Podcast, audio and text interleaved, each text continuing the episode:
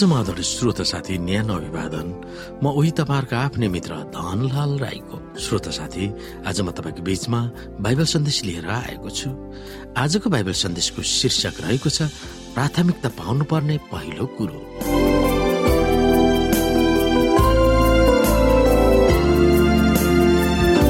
श्रोता साथी आजको अध्याय उपदेशक बाह्र अध्यायको एकबाट।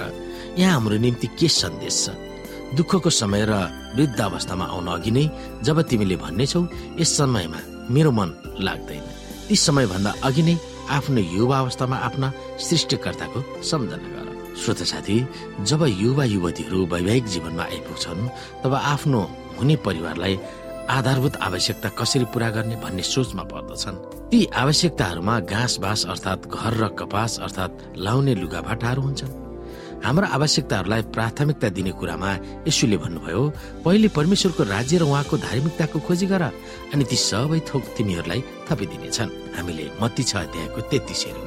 हुर्केर पनि ठूलो भएकाहरू र युवा अवस्थामा यसुलाई ग्रहण गर्न अवसर नपाए तापनि परमेश्वरको सम्पत्ति हुन ठिक निर्णय गर्ने समय दिएको छ यहाँनिर। हामीले उत्पत्ति अठाइस अध्यायको बिसदेखि बाइसमा हेऱ्यौँ भने कि याकुबले आफ्नो जीवनमा आत्मिक र आर्थिक अवस्थाको बारेमा केही महत्वपूर्ण निर्णयहरू गरेका थिए। दर्शनमा परमेश्वरले आफूलाई याकुबलाई कसरी चिनाउनु भएको थियो? तिम्रो पिता अब्राहमको प्रभु र इसाकका परमेश्वर अनि परमेश्वरसँग गर्नुभएको शपथको भागमा याकुबले भने प्रभु मेरा परमेश्वर हुनुहुनेछ। हामी यहाँ उत्पत्ति उन्तिस अध्यायको नौदेखि बिससम्म सरासरी हेर्न सक्छौ। याकुबको जीवनमा जुन घटना भयो त्यस घटनाको समय किन महत्वपूर्ण छ? नौदेखि हेरौँ। याकुब तिनीहरूसँग कुरा गरिरहँदा राहेल आफ्ना बाबुका भेडाहरू लिएर त्यहाँ आइपुगिन्। किनकि भेडाहरू तिनले नै चराउने गर्थिन्।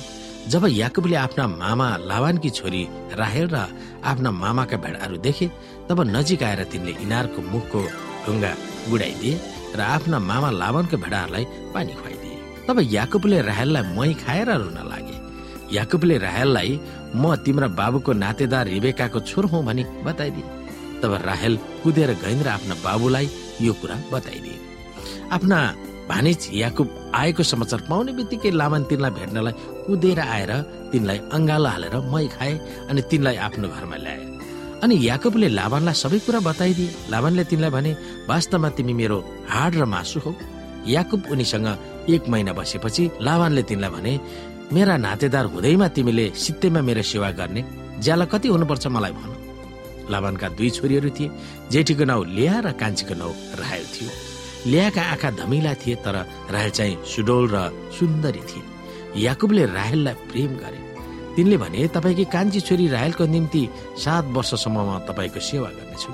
लाभानले भने त्यसलाई अरू कोहीसँग विवाह गरिदिनु भन्दा त तिमीलाई दिनु नै असल हो। हुन्छ मसँगै बस। यसकारण याकुबले राहेलको निम्ति सात वर्ष सेवा गरे। तिनले राहेललाई यति प्रेम गर्थे कि त्यो समय तिनलाई थोरै दिन जस्तो लाग्थ्यो। श्रोत साथी परमेश्वरमा आत्मिक र आर्थिक समर्पणको प्रतिबद्धता जाहेर गरेपछि प्रभुले उनलाई इनारमा जान अगुवाई गर्नुभयो। जहाँ उनको भेट रायलसँग भएको कुरा हामीले हेऱ्यौँ विवाहको निम्ति निर्णय गर्नुभन्दा अघि तपाईँले आत्मिक निर्णय र जीवनकी निम्ति निर्णय गर्नुपर्ने उपयुक्त हुन्छ। तपाईँको भविष्यको जोडीले यो थाहा पाउनु पर्दछ कि तिनीहरूले कसलाई रोज्दैछन्? कि यो व्यक्ति समर्पित इसाई हो कि? कुन खालको काम उसले गर्दछ? र उनी कस्तोमा समावेश हुनेछ कि त्यो व्यक्ति शिक्षक नर्स वकिल झेलादारी वा जे भए तापनि काममा आत्मनिर्भर हुने व्यक्ति हो कि होइन? मैले कस्तो खालको जीवनमा पस्दैछु? वैवाहिक सम्बन्धमा गाँच्नुभन्दा अघि अरू केही प्रश्नहरू सोच्नु पर्दछ। कुन खालको औपचारिक शिक्षा हासिल गरेको छ? विवाहको नाउँमा कस्तो खालको ऋणमा पर्नेछ के वैवाहिक खर्चमा मेरो पनि जिम्मेवारीमा सहभागी हुन म तयार छु? भन्ने कुरा हामी सोच्न सक्छौँ।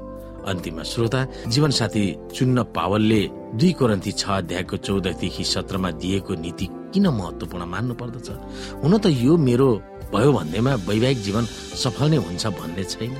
त्यही पनि असल वैवाहिक जीवनलाई अझ झन असल बनाउन अवसर त्यो नीति अप्नाउँदा कसरी सहयोग गर्न सक्छ? अविश्वासीहरूसँग एउटै जोमा ननारियो।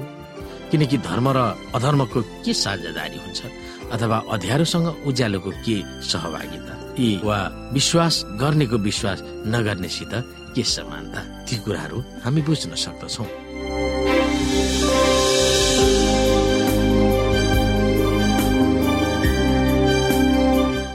श्रोता साथी आजको लागि बाइबल सन्देश यति नै। हस्त नमस्ते जय मसिंह।